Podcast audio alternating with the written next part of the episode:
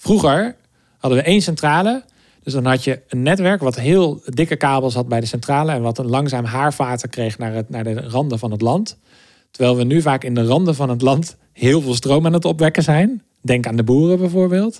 En dan dat dan allemaal weer uh, moeten gaan verdelen. Dus dat is totaal anders. Dat vraagt ook om een totaal ander netwerk. We moeten over naar een duurzamere economie. Het wordt overal geroepen. Maar wie doet er nou echt wat aan verduurzaming? In deze podcastserie licht ik vier ondernemers uit die zich volledig wijden aan duurzame vernieuwingen.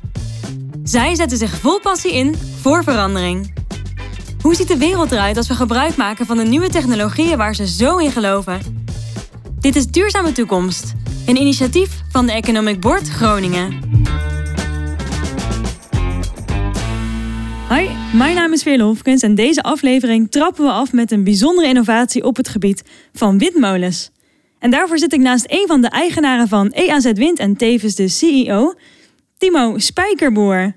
Hallo. Hallo Timo, leuk dat je er bent en leuk dat ik er mag zijn. Timo, jullie maken een speciaal soort uh, windmolens. In plaats van die grote witte joekels maken jullie de kleine houten windmolen. Klopt. Waarvoor dient die uh, kleine windmolen? Welk probleem lost het op? Nou, die is specifiek bedoeld voor boeren. Om boeren in hun stroom te voorzien in de winter en s'nachts. En dat combineren we met zonnepanelen. En daardoor kan je eigenlijk heel mooie zon in de zomer en wind in de winter. En dan kan een boer de hele jaar door zijn eigen stroom voorzien. En hij lost ook het probleem op van uh, in het landschap dat je eigenlijk de grote uh, witte windmolens, die zijn niet heel erg geaccepteerd en die van jullie wel meer. Wat, ja, wat is daarin het verschil? Nou, het grote verschil is dat ik zeg altijd, en dat zullen we nog wel meer denk ik over hebben, dat het belangrijk is om verbruiker en opwekker om die met elkaar te verbinden. En dat is denk ik het mooie van onze windmolen. Als je die ziet staan in het landschap, um, dan zie je gewoon direct waar die, waar die voor dient. Hij staat bij de boerderij, dus er liggen zonnepanelen op het dak, er staat een windmolentje bij. Dat hoort bij die boerderij. En dat klopt ook, want het is ook voldoende energie die we opwekken om een boerderij van energie te voorzien. En wat is het verschil uh, bijvoorbeeld in hoogte precies met jullie windmolen en, en die echte grote witte? Ja, precies. Het is echt een heel groot verschil. Onze, onze windmolen is een kleine windmolen en dat is, betekent dat hij ongeveer net zo groot is als een volwassen boom. Daar moet je aan denken. Ja. 21 meter hoog. 21 meter hoog. En hoe hoog is een, een witte?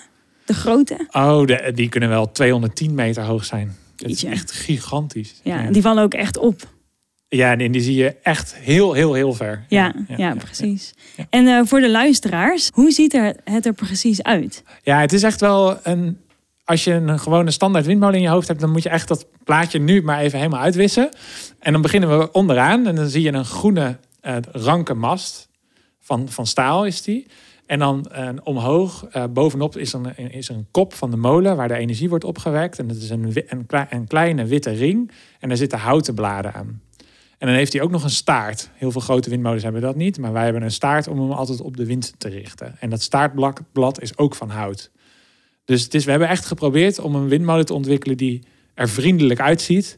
En waar je ook wel een beetje van kan gaan houden. Ja. En van wat voor materialen is het uh, gemaakt? Nou, het is dus, en die, die mast is dus van staal. Veel andere delen zijn ook van staal. Maar we worden vaak de houten windmolen genoemd. Omdat de bladen dus van, uh, van hout, van larixhout zijn. En waar komt het hout vandaan? Ja, dat komt uh, een beetje uit ons gebied. Uh, veel van ons hout komt uit, uh, uit Drentse bossen. En het grappige is dat dat op onze, op onze hoogte, zeg maar, als je verder naar het noorden gaat, dan wordt het hout nog weer wat zwaarder, omdat het langzamer groeit. Ga je meer naar het zuiden, dan, dan, dan groeit het heel snel. En juist op onze plek hebben we heel goed hout voor windmolenbladen. Oh. En wat is dan het voordeel van de materialen die jullie gebruiken? Nou, het voordeel van hout is dat het heel goed kan tegen wat ze dan noemen vermoeiing. En vermoeiing is een, is, een, is een belasting die de hele tijd door opnieuw gaat. Misschien weet je wel als je een paperclip pakt. Als je die zeg maar ja. tien keer heen en weer gaat, dan uiteindelijk breekt die. Terwijl als je hem één keer probeert te breken, dan buigt hij gewoon mee. Ja. Nou, de hele tijd hetzelfde keer buigen, dat is wat ze vermoeiing noemen. En dat is wat een windmolenblad ook heel erg heeft. Die wordt de hele tijd, door de wind, gaat, die, gaat dat blad de hele tijd een klein beetje heen en weer. Precies zoals een boom. Ja. En dat is ook waarom de vezelstructuur van hout zo geschikt is voor windmolenbladen. Wat goed. Ja. En um, nou, jullie zijn dit ooit zelf begonnen met een aantal studievrienden. Hoe kwamen jullie op het idee om een kleine windmolen te gaan maken? Waar kwam dat vandaan? Dat komt eigenlijk omdat een van ons, uh, Sjouke, die is opgegroeid in, in Overschild. En dat is een klein dorpje in Groningen. En daar heb je heel veel boeren. Je hebt heel veel vlak land. En uh, je hebt ook de aardgasproblemen in Groningen. En er waren heel veel mensen die gingen aan de slag met het plaatsen van zonnepanelen. Maar Sjouke vroeg zich eigenlijk af van ja, uh, heeft het nou wel zin? Want ja, zon heb je alleen zomers en midden op de dag. Maar ja, we hebben nog wel meer dan dat, op meer momenten dan dat stroom nodig. En toen kwam hij eigenlijk met het idee om, om met een kleine windmolen aan de slag te gaan. En hij was op stage geweest in Denemarken. En daar had hij dat ook al gezien, dat dat daar een succes was. Want daar hebben ze het al. Ja, daar, is, daar zijn ze heel erg vroeg al begonnen met kleine windmolens inderdaad.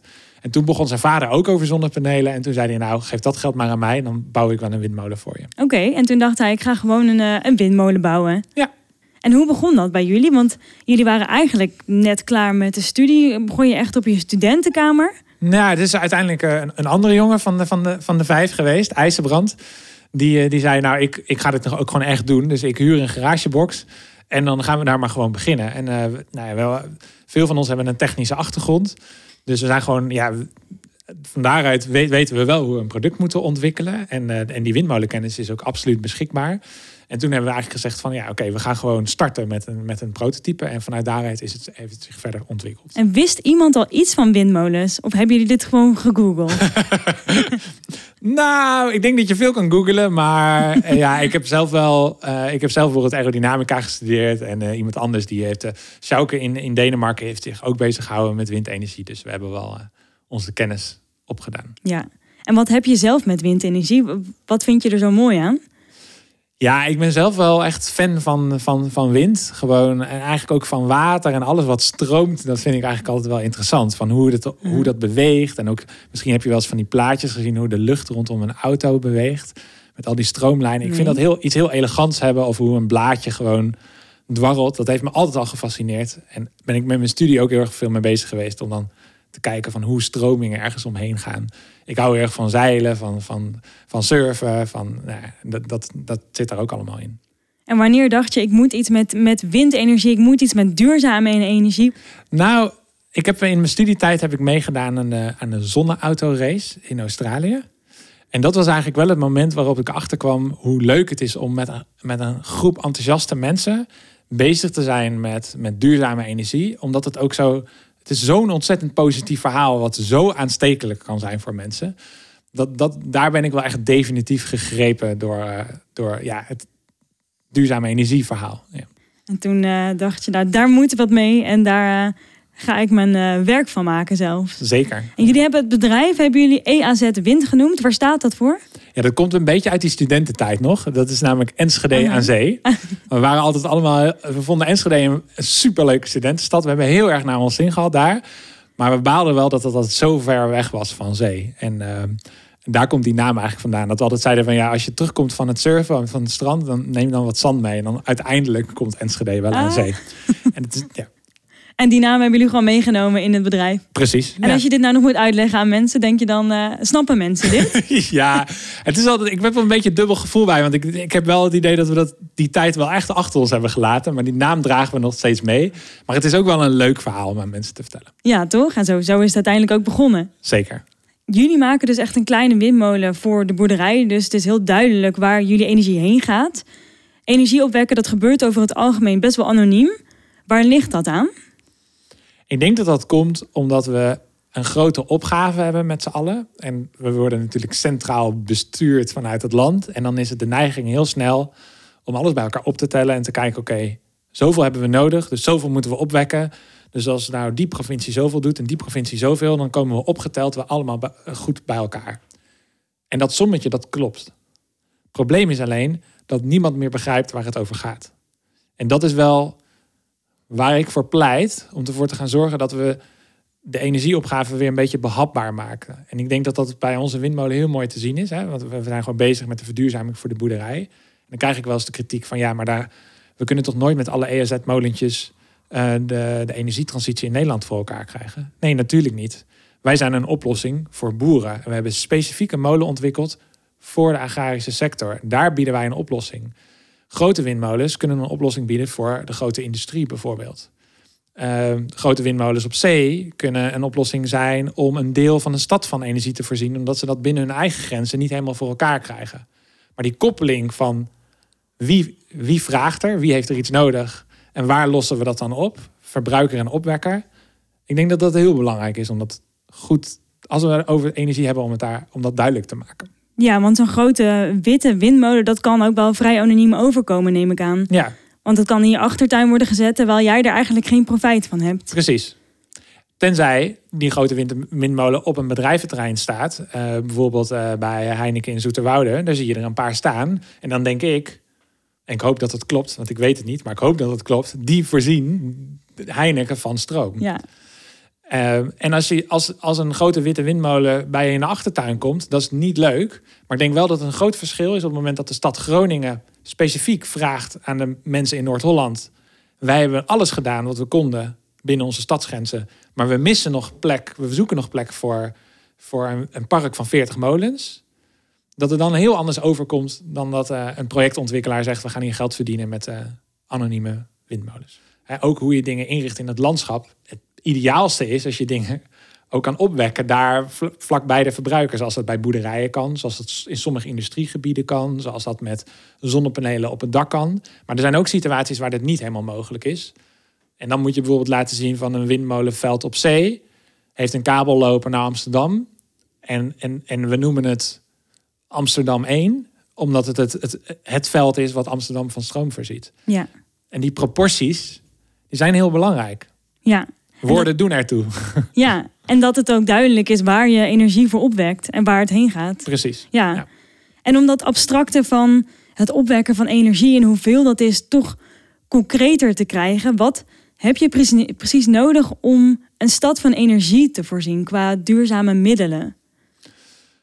Ehm, ik heb, sorry, ik heb echt echte cijfers niet helemaal zo bij de hand. Eh, maar eh, zoals bij een boerderij kan je voorzien eh, met, met wind en zon. Dat klopt bij elkaar.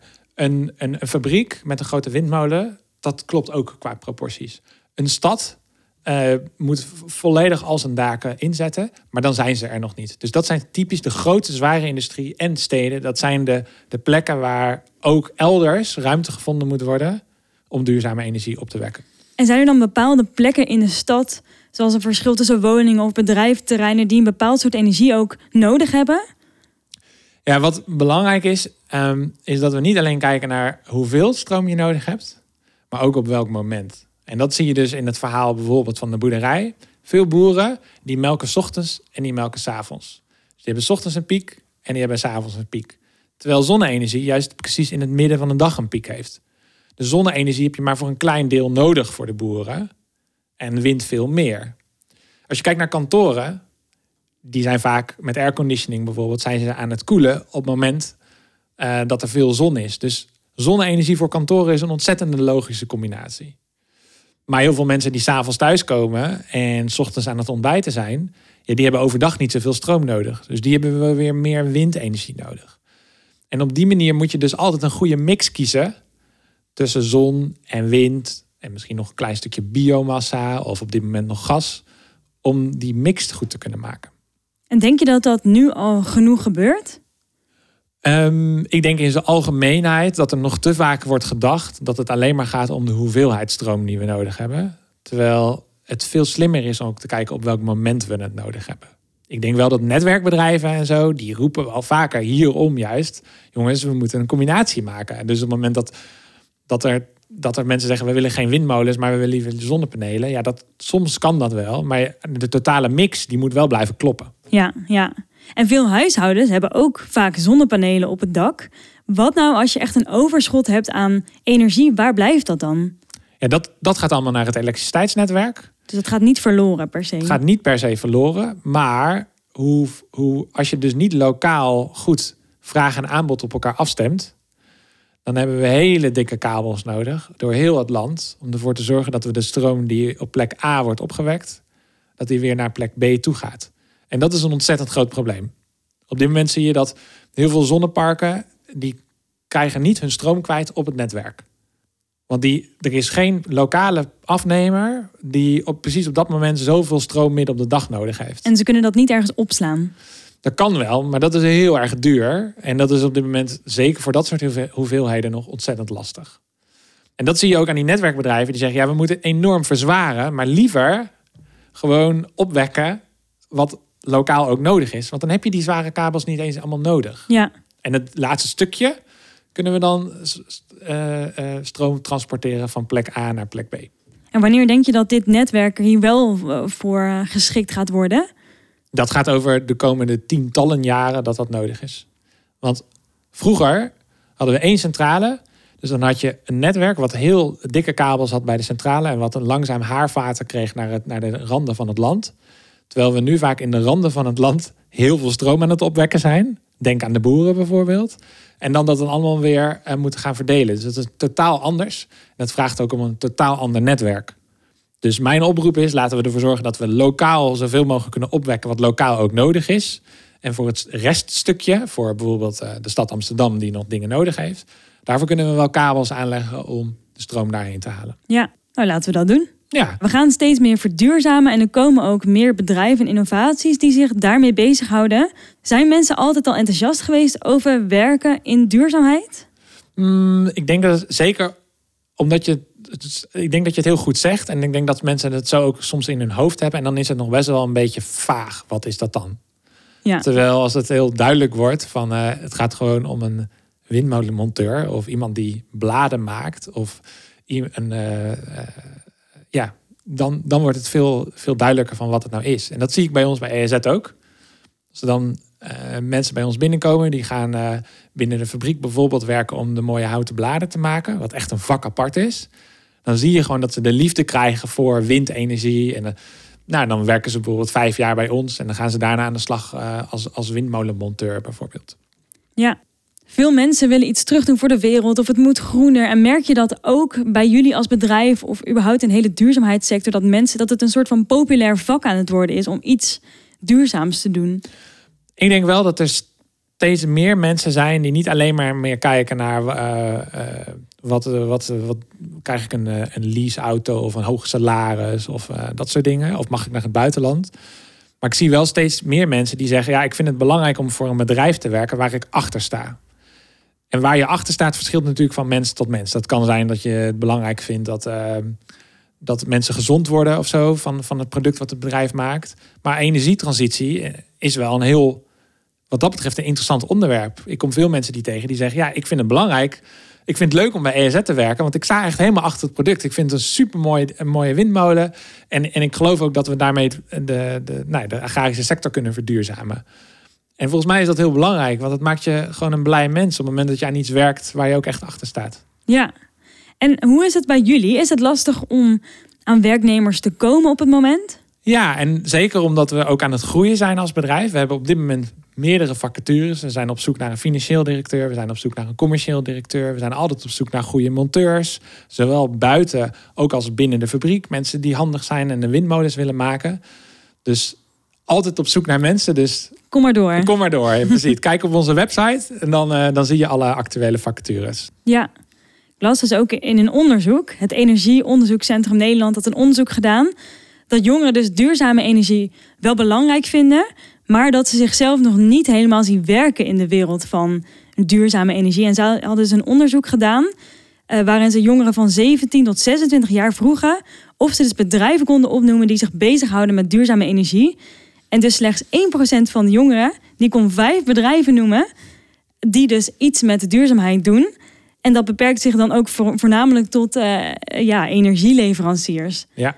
Dus zo weinig weten eigenlijk jongeren van überhaupt bedrijven die hier iets mee doen. Nou, ik hoop dat ze nu in ieder geval weer één bedrijf erbij hebben die ze kunnen noemen. EAZ Wind. ja, ik stond er echt versteld van. Ik dacht, hoe kan dat nou? Maar ik dacht ook zelf, ja, ik ken ook weinig bedrijven, als ik dat nou moet opnoemen, die hier iets mee doen. Ja. Dus ik snap het wel. Ja. En wat denk jij dat je hier aan zou kunnen doen? Mm, ik denk wel dat het, het, het uh, ga werken voor waar, waar je voor staat of zo. Of wat vind jij belangrijk? Uh, en, dat je, en dat je dat als haakje kan gebruiken om een aantal opties te geven. Ik denk dat dat in ieder geval. Dat zou mijn marketing insteek zijn naar jongeren in ieder geval. Ja. en daarnaast is het natuurlijk heel belangrijk dat we opleidingen aanpassen op, op de behoefte in, op de arbeidsmarkt. Ik bedoel, wij hebben gewoon echt een tekort aan MBO-opgeleide technici. En, uh, En, en wij als bedrijf niet alleen, dat geldt gewoon voor de hele sector. Dus daar, daar, zullen aan, daar, daar worden al aanpassingen op gedaan. Daar is aandacht voor. En terecht. Het wordt nog wel eens vergeten, de, de arbeidsmarktkant van de hele verduurzaming. Ja. ja, en stel tekort aan mensen in de technische sector, dat houdt aan. Waaronder dus ook, uh, waardoor dus ook de energietransitiesector eigenlijk te weinig werknemers gaat krijgen. Houdt dit het behalen van de klimaatdoelstellingen ook tegen? Ja, dit, dat risico is er wel. En terwijl het eigenlijk zonde is dat we er dan zo negatief over praten. Want hoe mooi is het dat je en aan het verduurzamen bent en nieuwe werkgelegenheid creëert. Het is gewoon het verdienmodel hè, op bepaalde sectoren hiervan van de toekomst voor Nederland. Dus daar moeten we trots op zijn. Daar moeten we op inzetten, op investeren en van profiteren uiteindelijk. En denk je dat het ook echt de klimaatdoelstellingen zou kunnen tegenhouden, deze nou ja, tekort aan werknemers? Tuurlijk. Als je kijkt, het is niet voor niets dat, dat daar zorgen over zijn. En uh, voor de enorme opgaven die we hebben. Dus, dus je moet daar aandacht voor hebben. En zeker omdat het vaak dingen zijn die vertraging hebben. Je moet nu je opleidingen voor sorteren voor wat je over tien jaar nodig hebt. En dat is het grote dilemma van dit soort vraagstukken. Je moet echt goed vooruitkijken om ervoor te zorgen dat het dus niet belemmerend gaat werken. Ja, we hebben een eh, rubriekje. De meest onmisbare uitvinding ooit gedaan. Ja, ik, de allermooiste uitvinding vind ik uh, bureaucratie. Waarom dan? Dat vind ik een leuk antwoord, ook omdat mensen dat niet zo verwachten. Nee, het heeft een hele negatieve lading. Ja, precies. Mensen doen er altijd heel negatief over. Maar hoe mooi is het dat we in een land leven waar we gewoon weten ehm, van wie je huis is. Zodat je ook kan durven investeren. Omdat je weet dat niet iemand anders het van je gaat inpikken. Dat we zoiets hebben als een, als een, als een overheid of een, of, een, of een rechter die uitspraken kan doen over... Uh, nou ga ik wel heel ver. Dat is niet allemaal bureaucratie, maar goed. ik bedoel eigenlijk ermee, ook als je kijkt naar internationale bureaucratie, dat we nu overleggen hebben waarin we met meerdere landen samen afspreken. Hey, uh, dat, dat, dat klimaat is aan het veranderen. We hebben een aantal wetenschappers gevraagd. Oh, het is misschien wel een, wel een bedreiging. hey, maar het is misschien ook een kans. Laten we afspreken om daar wat aan te gaan doen. Dat we al in staat zijn om met zoveel miljoenen mensen dat soort afspraken te maken. Ik vind dat echt fascinerend. En ik denk dat, dat bureaucratie daar een hele belangrijke rol in heeft. Die we, waar we best wel wat positiever over mogen zijn. Ja, mooi. En als jij kijkt naar de toekomst, wat denk je dat er nodig is om de wereld snel te verduurzamen? Nou, ik hoop dat ik dit interview dat in ieder geval een beetje heb laten zien. Ik denk dat uh, het concreter en behapbaarder mag worden. En wat minder over dat je korter moet douchen en allemaal dat je allemaal van die moedjes hebt. Terwijl wat ik zie, in ieder geval vanuit onze praktijk, is dat een kleine windmolen op je erf neerzetten. Dat is gewoon te gek. Dat is hartstikke leuk. Het is een rendabele investering waarmee je de kosten van de boer naar beneden brengt, waardoor hij beter kan concurreren, waardoor hij zijn eigen stroom op zijn eigen erf kan, kan opwekken en daar heel erg trots op kan zijn. Dat geldt ook voor een elektrische auto. Die trekt sneller op dan een fossiele auto.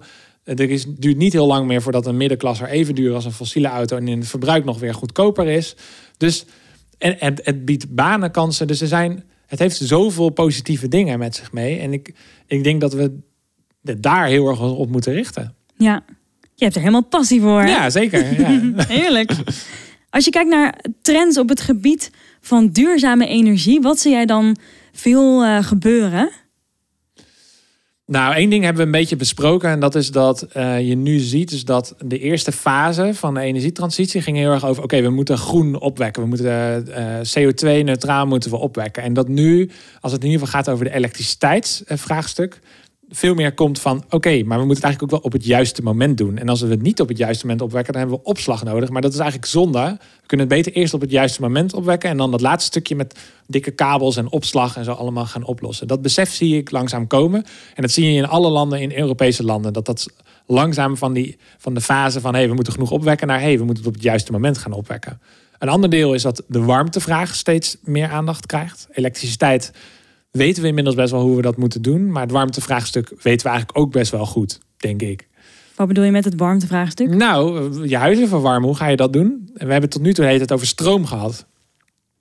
Maar gasverbruik terugbrengen brengen is natuurlijk heel belangrijk. En ook in de industrie, hoe gaan we de industrie verduurzamen? Nou, dat is wel de industrie verduurzamen, uh, luchtvaart, mobiliteit. Dat zijn wel echt de, de, de, de nieuwe vraagstukken waar we nog wat ook veel nog te ontdekken hebben, denk ik. Ja, En als je kijkt naar de toekomst van EAZ Wind, hoe snel denk je te gaan groeien aankomende jaren? Want ik hoor heel veel verduurzaming en dat gaat natuurlijk allemaal komen. Ja, ja. Jullie gaan natuurlijk ook hartstikke hard hier. We gaan hartstikke hard. We, zijn, we hebben onlangs mogen vieren dat we onze 400ste uh, windmolen uh, gecombineerd met zon hebben geïnstalleerd.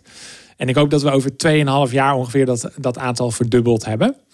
En uh, we, zijn, ja, we zijn nu in, in drie landen actief. En in België, Nederland en Duitsland. En dat dat hoop ik ook in de toekomst weer uit te gaan breiden. Ja, en kun je daar al wat over vertellen? Nee, nog niet helemaal. Het is ook wel, je moet goed selecteren welke markten je, je kiest. En ik zie uiteindelijk gewoon potentie voor ons om echt in de hele globale westerse agrarische wereld, om daar met onze energiesystemen echt de, de voedselvoorziening te verduurzamen. Goeie cliffhanger. We gaan uh, jullie in de gaten houden.